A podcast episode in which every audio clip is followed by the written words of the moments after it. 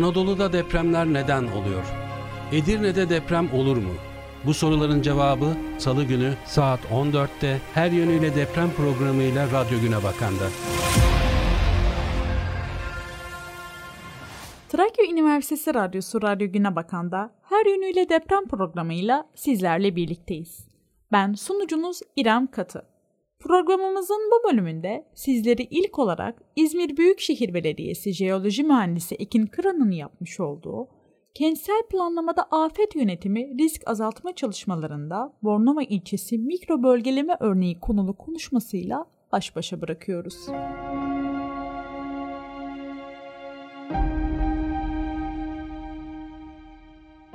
Öncelikle herkesi selamlıyorum. Bizim İzmir Büyükşehir Belediyesi olarak Bornova bölgesinde başlatılmış olduğumuz mikro bölgeleme çalışmaları hakkında bilgi vermek üzere bulunmaktayım. Şimdi bilindiği gibi kentsel planlama problemleri artan nüfusa bağlı olarak kırsaldan kente göçüşle plansız ve denetimsiz yapılaşma sonucunda ortaya çıkıyor. Doğal afetler ve istenmeyen olaylara karşı yüksek riskli alanlar haline geliyor. Doğal afetlere baktığımız zaman kısaca zaten herkesce bilinen jeolojik, jeoteknik kökenli afetler, meteorolojik kökenli afetler ve teknolojik ve insan kökenli afetler olmak üzere kendi aralarında üçe ayrılıyor. Bunların da en etkileyen bölgemize jeolojik ve jeoteknik kökenli afetlerdir. Bilindiği gibi afet e, risk yönetiminde tehlikenin ortaya konulması lazım. Bu afetin ne aşamada e, ne şekilde ortaya çıktığını ortaya konulması lazım. Ardından tehlikelerin olası risklerinin saptanması gerekiyor. Bu riskler belirlendikten sonra kendi aralarında önceliklendirilmesi gerekiyor. Yani hangisinin ne kadar çok etki yarattığı, ne büyük etkide, ne şekilde etkileyeceğini ve en sonunda da bunların önlemlerinin tespit edilmesi. Şimdi bilindiği gibi Deprem risk yönetiminde deprem tehlikeleri haritası 1945 yılından başlayarak günümüze kadar uzanıyor.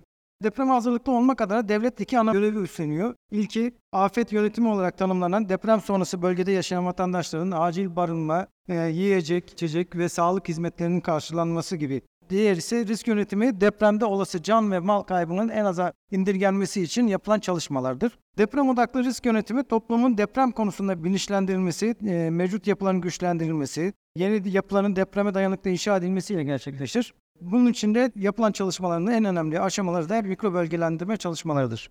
Mikro bölgelendirme kaynaklara göre, HAYS'a göre ilk başta yer sarsıntısı etkisindeki zeminin davranış etkisi tepkisi özelliklerine göre ayrılması olarak tanımlansa da 1982 yılında deprem hasarlarını azaltmak için düzenli arazi kullanımını amaçlayan bir işlem olarak tanımlar ve deprem etkisi karşısında jeolojik, sismolojik, jeoteknik faktörleri birleştirerek ekonomik, sosyal ve politik açıdan uyumlu ve kullanılabilir bölgelerin oluşturulması olarak açıklar. Mikro bölgeleme çalışmalar kapsamında yerleşime uygunluk haritası, mühendislik jeolojisi, yeraltı suyu haritaları, sismoteknik haritalar, kayma dalgası hızı ve zemin hakim titreşim periyodu haritaları, sıvılaşma indeksi, kütle indeksi, su baskını ve çığ tehlike haritaları ortaya çıkmaktadır.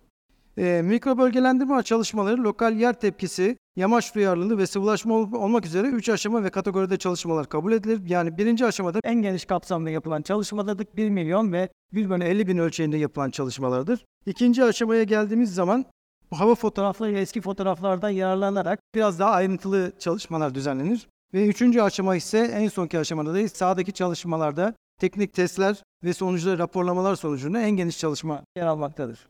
Bildiğiniz gibi İzmir'de 30 Ekim depreminde Samos'ta bir deprem meydana geldi. Bu depremde 6.9 şiddetinde ve normal fay niteliğinde 15 kilometre derinliğe sahip bir fay. E, fakat en çok etkilenen bölge Bornova Bayraklı ilçeleri olmuştur. Bu Bornova Bayraklı'da toplam 7 binada 117 kişi vefat etmiş. E, bu Samos depremi sonrasında İzmir Büyükşehir Belediyesi olarak ilk aşamada 12-13 Kasım 2020 tarihinde Samos depreminin yarattığı sonuçları değerlendirmek, gerekli bilimsel ve e, teknik tedbirleri almak, kendini bekleyen riskleri ortaya koyarak e, yol haritası belirlemek adına bilim insanları, akademisyenler, kamu kurumları, sivil toplum kuruluşlarının katılımıyla İzmir depremi ortak akıl buluşmasını gerçekleştirmiştir. Bu buluşmada ilk gün yetkin bilim insanlarından görüş ve öneriler alınırken ikinci gün 52 yuvarlak masa etrafında sorunlar, çözüm önerileri ve projeler tartışılmıştır. Ortak akıl buluşmasının ardından 18 Kasım 2020 e, tarihinde bu toplantının sonuçlarını irdelemek adına Bayraklı Belediyesi'nde yani depremin en çok etki ettiği yerlerden biri olan Bayraklı ilçesinin belediyesinde e, İzmir İl Afet Kurulu toplanmıştır. Bu toplantıda ivedilikle şu adımlar atılması kararlaştırılmıştır. Yapı envanterinin oluşturulması, yapı ve zemin laboratuvarının kurulması, depremsellik araştırması, mikro bölgeleme etüt araştırması, tsunami araştırması, yer bilgi sisteminin oluşturulması ve afet platformunun oluşturulması. İl Afet Kurulu toplantısının e, kararlarının ilki olarak 4 Mart 2021 tarihinde İnşaat Mühendisleri Odası İzmir Şubesi ve İzmir Büyükşehir Belediyesi arasında anlaşma imzalanarak depremin en çok etkilediği Bayraklı ve Bornova ilçelerinden başlamak üzere tüm İzmir'in yapı envanteri çalışması başlatıldı. Bu çalışma ile ilçedeki tüm yapılar yerinde incelenerek mevcut durumları saptanmakta. Her bir bina için ayrıntılarına barkod sistemiyle ulaşılabilen bina karnesi levhası oluşturulmaktadır. Levhalar tüm binalara yerleştirilerek bunlarla barkod sistemiyle bilgiler vatandaşlar tarafından ulaşabilmektedir. Bina karnelerinin dışında direkt e, bizzat vatandaşlar belediyemizi alarak yer bir sisteminden de randevu sistemi oluşturarak kendi binaları için inceleme talep etmekte. Bunlar da randevu sistemini e, sıralamasına göre yerinde incelenerek tekrar barkod sistemine dahil edilmektedir. İkinci kararın aşaması olarak Ege Şehir Yapı ve Zemin Laboratuvarı 7 e, Eylül 2021 tarihinde kurulmuştur. Bornova mikro bölgeleme çalışması kapsamında e, yapılan çalışmalar ve şey alınan numunelerin test edilmesi amacıyla ve, aynı zamanda yapı kontrol sistemindeki alınan karotların test edilmesi amacıyla kurulmuştur Ege Şehir Laboratuvarı. Ayrıca bir İzmir Büyükşehir Belediyesi'nin 9 Ağustos 2021 tarihinde Orta Doğu Teknik Üniversitesi, Çanakkale 18 Mart Üniversitesi ve İzmir Yüksek Teknoloji Enstitüsü arasında bir anlaşma imzalayarak 10 farklı üniversiteden 43 akademisyen ve 18 uzman mühendisten oluşan bir ekip ile jeolojik, jeofizik, hidrolojik, e, hidrojeolojik, aktif tektonik, jeoteknik, tsunami, sismik tehlike modelleme ve bilgi sistemlerinden oluşan 10 ana paketten proje başlatılmıştır. Bu projelerin aşamalarından paleosismoloji çalışması kapsamında ODTÜ Üniversitesi öğretim üyeleri tarafından İzmir il merkezinden 100 kilometre e, yarıçaplı bir alanda 25 aktif fay üzerinden e, hendekler açılarak deprem üretme potansiyelleri tespit edilmektedir. Paleo tsunami çalışmaları kapsamında deniz tabanında 37 noktadan karot ve sediman örneği alınarak e, analizlerle tsunamilerin jeolojik izleri araştırılmakta, tsunami afet riskinin e, dağılımları saptanmaktadır. Şimdi bu aşamaya gelmeden önce bir de Yerbis e, sisteminden bahsetmek istiyorum. Yerbis sistemi de e, İzmir genelinde yapılmış olan tüm zemin etütlerinin bilgisayar ortamına dahil edilerek mevcut imar e, planlarında dikkate alınması için bir çalışma başlatılmıştır. Bornova baseni olarak bilinen yaklaşık 12 bin hektarlık bir alanda Bornova baseninin yapısının 3 boyutlu modeli, zemin davranış özellikleri ile heyelan, yanal yayılma, sıvılaşma gibi afet tehlike potansiyelleri belirlenmekte. E, mevcut alan zeminde 200-200, kayada 300-300 e, metrelik karelajlara ayrılarak yapılmaktadır. E, mikro bölgeleme projesinin dahilinde hidrojeoloji çalışması kapsamında da yeraltı suyu taşıyan birimlerin depolama ve iletme özelliklerinin, yeraltı suyu düzeyinin derinliği, yeraltı suyunun akım yönü ve hidrolojik eğimi gibi e, hidrojeolojik koşulların belirlenmesi amacıyla toplam 7 lokasyonda 850 metre sondaj kuyusunda piyozometrik e, ölçümler ve pompaj deneyleri yapılmaktadır.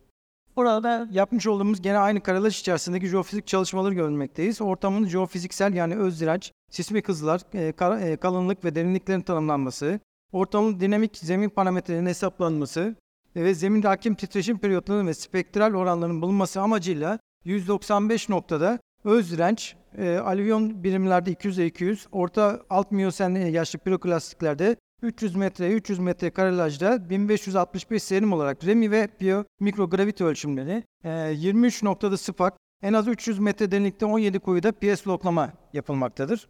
Ayrıca bir binanın bodrum katında toplam 450 gün boyunca ivme ölçümleri ile deprem ve gürültü kayıtları yardımıyla zemin büyütme ve zemin hakim titreşim periyodu e, değerleri saptanacaktır. Ee, sonuçlar olarak yani doğal afetlerin oluşumu e, önlenemez ancak alınacak önlemler ile sonuçları indirilebilir olaylardır. Araştırmalar ve deneyimler neticesinde bu doğal afetlerin hem yaşamsal hem ekonomik olarak insanlar üzerindeki olumsuz e, etkilerini kontrol altına alabiliriz. Bu bağlamda geliştirebilecek çalışmalarda jeolojik ve jeomorfolojik özellikler ortaya koyularak bölgesel te- e, tehlikelerin belirlenmesi gerekmektedir.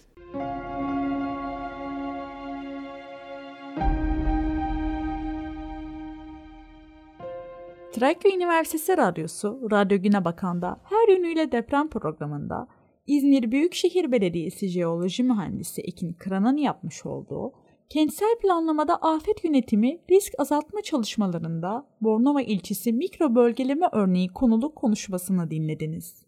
Şimdi de sizleri 9 Eylül Üniversitesi Profesör Doktor Oya Ankaya Pamukçu'nun yapmış olduğu İzmir ve çevresinin deprem risk analizine yönelik deformasyon bulguları konulu konuşmasıyla baş başa bırakıyoruz.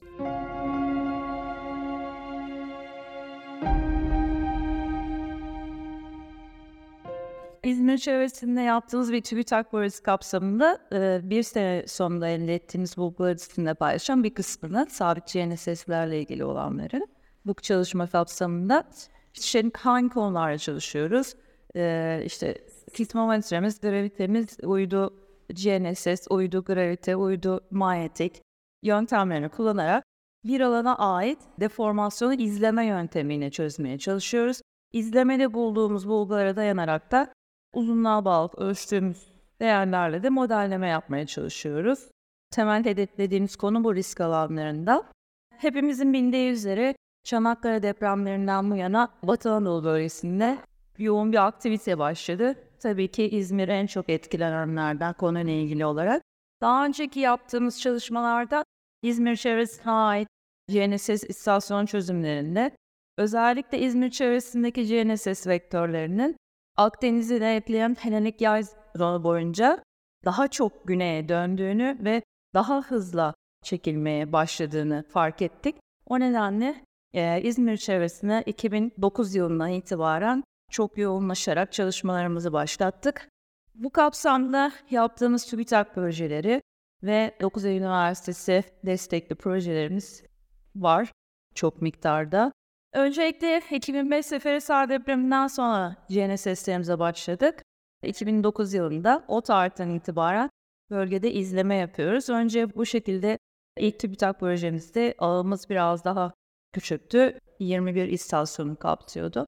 Kaya üzerine, sağlam kaya zemin üzerine koyulu GNSS istasyonlarımızla ölçümlerimizi gerçekleştiriyoruz. O ölçümler sonucunda 2011-12 yıllarında İksel sonuçlara ulaştık.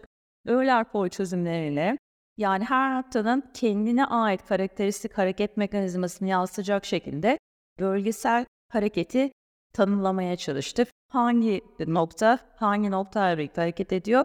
Bu tür bir gruplamayla da bölgenin aşağı yukarı ne yönde noktasal hareket mekanizmasının güçlü olduğunu saptamaya çalıştık. Bu kapsamda ana İzmir Balıkesir Transform File zonumuz var. Yine Hasan Sözbir ve ekibi tarafından tanımlanan. E, onun aşağı yukarı bölgesel nerelerden devam ettiğini, yine İzmir çevresine tanımlanan iki ayrı vektör yönüne ait e, hareket mekanizmasını tanımlayabildik.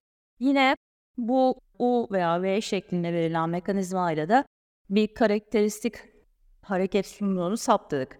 Buna bağlı olarak aynı noktalarda zamana bağlı mikrogravite ölçümleri de aldık. Zamana bağlı mikrogravite ölçümleri sonucunda elde ettiğimiz değerlerle GNSS araştırmalarımızdan elde ettiğimiz düşey bileşenleri karşılaştırdık.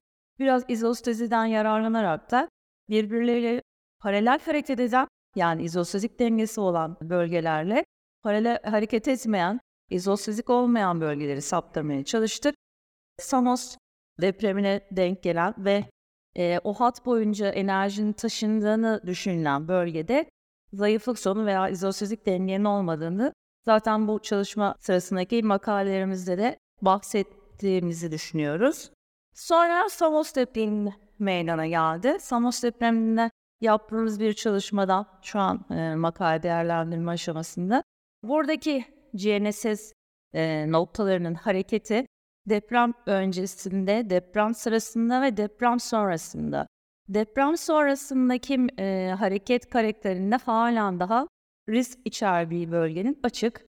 Yine e, risk hesaplama AB katsayısı hesaplarından da eğriden geçen en yakın doğrunun hala da x eksenini kesme eş yorumdan hareketle de e, bir enerji birikiminin bölgede var olduğu, e, sonlanmadığı yorumundan hareketle bölgedeki e, sismik dağılımın daha yakından irdelemeye karar verdik. Bu amaçla da yeni bir proje geliştirdik. Bu proje kapsamında biraz daha yayıldık alana. Bergama'dan başlayarak biraz da tabii ki sabit istasyon kurarken güvenlik, elektrik ve internet bağlantımızın olması önemliydi bizim için. 9 Eylül Üniversitesi'nin e, kampüslerinin dağılımına baz alarak bu istasyon kurumu işine dikkat ettik. Bergama'da Ali Ağa'da Seferihisar'da, Torbalı'da, Kuşadası'nda sabit istasyonlarımızı kurduk. Daha önce de 9 Eylül Üniversitesi'nin kampüsüne zaten biz GNSS sabit istasyonu kurmuştuk. Diğer kampanya istasyonlarımız yani proje süresince en az 3 ölçü alarak bu lokasyonlarında e, hızlarını tespit etmeye çalışacağız. Tabii ki gönül isterdi ki hepsi sabit istasyon olsun fakat maliyeti çok yüksek bir iş olduğu için bir kısmını kampanya ölçümleri gerçekleştirmeye çalışıyoruz. Bunun yanı sıra projede sismoloji kitaplarımız olacak. Atatürk Üniversitesi'nin desteği var konuyla ilgili. Yine inşaat çalışmalarımız da var. O da Atatürk Üniversitesi'ndeki bir araştırmacıyla devam ediyoruz. Bu kapsamda önce istasyonlarımızı kurduk. Teknik Üniversitesi'nin cihaz desteği var. Ee, onlarla birlikte eğitimlerimizi tamamladık. Öğrenci de yetiştiriyoruz aynı zamanda konu kapsamında. Öğrencilerimize de eğitim veriyoruz. Sabit istasyonlarımız, yine kabinlerimizde cihazlarımız var. Pilyelerimize, antenlerimiz bağlı. Ee, her ay denetleme yapıyoruz istasyonlarımıza ama zaten internet aracılığıyla bağlıyız istasyonlarımıza.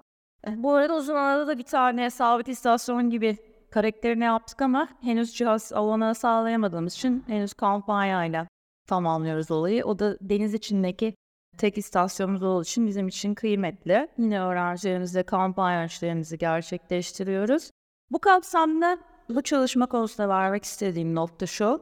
Sabit GNSS istasyonlarımızda depremler olan depremler yani 1 Temmuz 31 Aralık şeklinde ayırdık. 31 Aralık'ta yine e, 1 Temmuz 2023 şeklinde ayırdık. Çünkü e, depremler aynı noktada çok yoğun olduğu için tüm depremleri aynı tarihleri yorumlamada netlik kazanmıyor. Bu kapsamda proje süresince olan depremler ve bu depremlerin istasyon bölgesindeki GNSS sinyalleri nasıl etkilediği konusunda yorumlamalara gittik. Bu Bergama ilçesi yani en kuzeydeki istasyonumuza ait sinyalimiz burada bölgede olan depremlerin iki tanesinden hem kuzey hem de e, doğu bileşeni olarak etkilenmiş. Yani e, düşey bileşende çok etki göremedik. Yanal yönde etkilenen deprem silsilesi geçirmiş bölge. Bergama bölgesinden. Ala bölgesi şu an için aktif olarak stres altındaki bir bölge olarak yorumladık. Sadece bu anlatacağım çalışmada değil, diğer yaptığımız tüm çalışmalarda Ala'daki stres oranının yüksek olduğu görüşündeyiz. Önemli bir hani işaret bu konuyla ilgili. Çünkü kendine yakın uzak her türlü bölgede olan depremden etkileniyor. Bazısından düşeyde de etkilenmiş. E, deformasyon açık gibi duruyor bölge. Buca'ya indim. Yani kuzeyden geliyorum Buca'ya indim. E, Buca'yı son yıl takip ettiyseniz zaten yüksek streste sürekli deprem olan bir bölge. Hatta kendimizin kampüste yakın olduğu için deprem noktasına biz kendimiz de bayağı etkileniyoruz. Buca'da yine olan deprem fırtınalarından oldukça etkilendiği görülüyor. Yine üç bileşende de etkilendiği görülüyor stresin. Buradan Seferihisar'a iniyorum güneye. Seferihisar çok ilginçtir ki kendine yakın depremlerden çok fazla etkilenmiyor Aliağa kadar. E, demek ki depremin enerjisinin yayılım doğrultusunda çok bulunmadığını düşünüyoruz.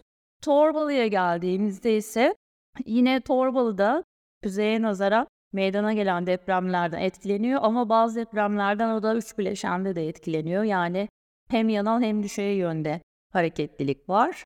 Daha da güneye indim. Selçuk'ta yine üç bileşende de GNSS istasyonlarında depremden etkilenmeyi takip edebiliyoruz.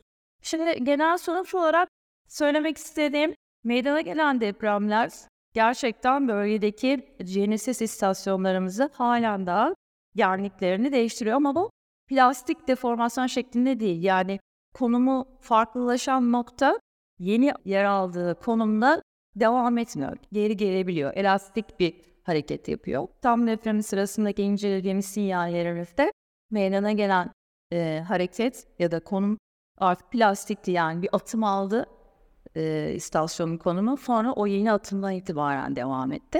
Ama buradaki depremlerde böyle bir karakter yok şu an itibariyle. Zaten söylerken de yorumladım. Şu an itibariyle Ala istasyonu ve çevresinde risk faktörünün yüksek olduğu görülmekte. Farklı bir yaklaşım olarak da depremlerle iki yıllık çözümleri aslında henüz hani üç olmadığı için durup hız olarak değil de biraz daha yer değiştirme olarak burada e, vermek istedik. Deprem olan bölgelerde iki yıldaki e, yer değiştirme karakteri diğerlerinden farklı. Yani demek istediğim şu, birbirine yakın hareketlilik yoğun olan yerlerde karakter olarak birbirinden farklı. Son olarak da Aptu ve diğerleri tarafından geliştirilen deformasyon analizi programını kullanarak sabit istasyon değerlerinden tabii ki henüz kampanya değerlerle bunu gerçekleştiremeyeceğimiz için iki ölçüm, iki defa aldık. E, deformasyon haritası oluşturduk.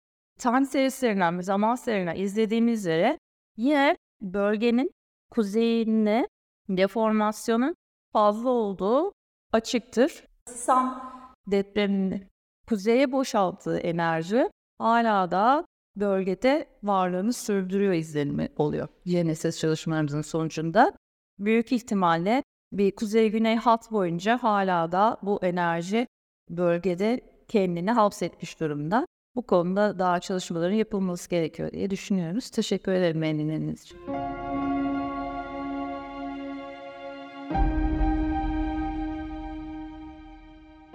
Trakya Üniversitesi Radyosu Radyo Güne Bakan'da her yönüyle deprem programında 9 Eylül Üniversitesi Profesör Doktor Oya Ankaya Pamukçu'nun yapmış olduğu İzmir ve çevresinin deprem risk analizine yönelik deformasyon bulguları konulu konuşmasını dinlediniz. Ben sunucunuz İrem Katı. Bu haftaki her yönüyle deprem programının sonuna geldik. Programımız gelecek hafta salı günü saat 2'de depreme dair önemli bilgilerin yer aldığı konuşmalarla devam edecek. Bu arada programlarımızın tekvarını Radyo Güne Bakan Spotify ve Google Podcast resmi hesabı üzerinden dinleyebilirsiniz. Hoşçakalın. Orada kimse var mı? Bir, iki, üç. Anadolu'da depremler neden oluyor? Edirne'de deprem olur mu? Bu soruların cevabı Salı günü saat 14'te her yönüyle deprem programıyla Radyo Güne Bakan'da.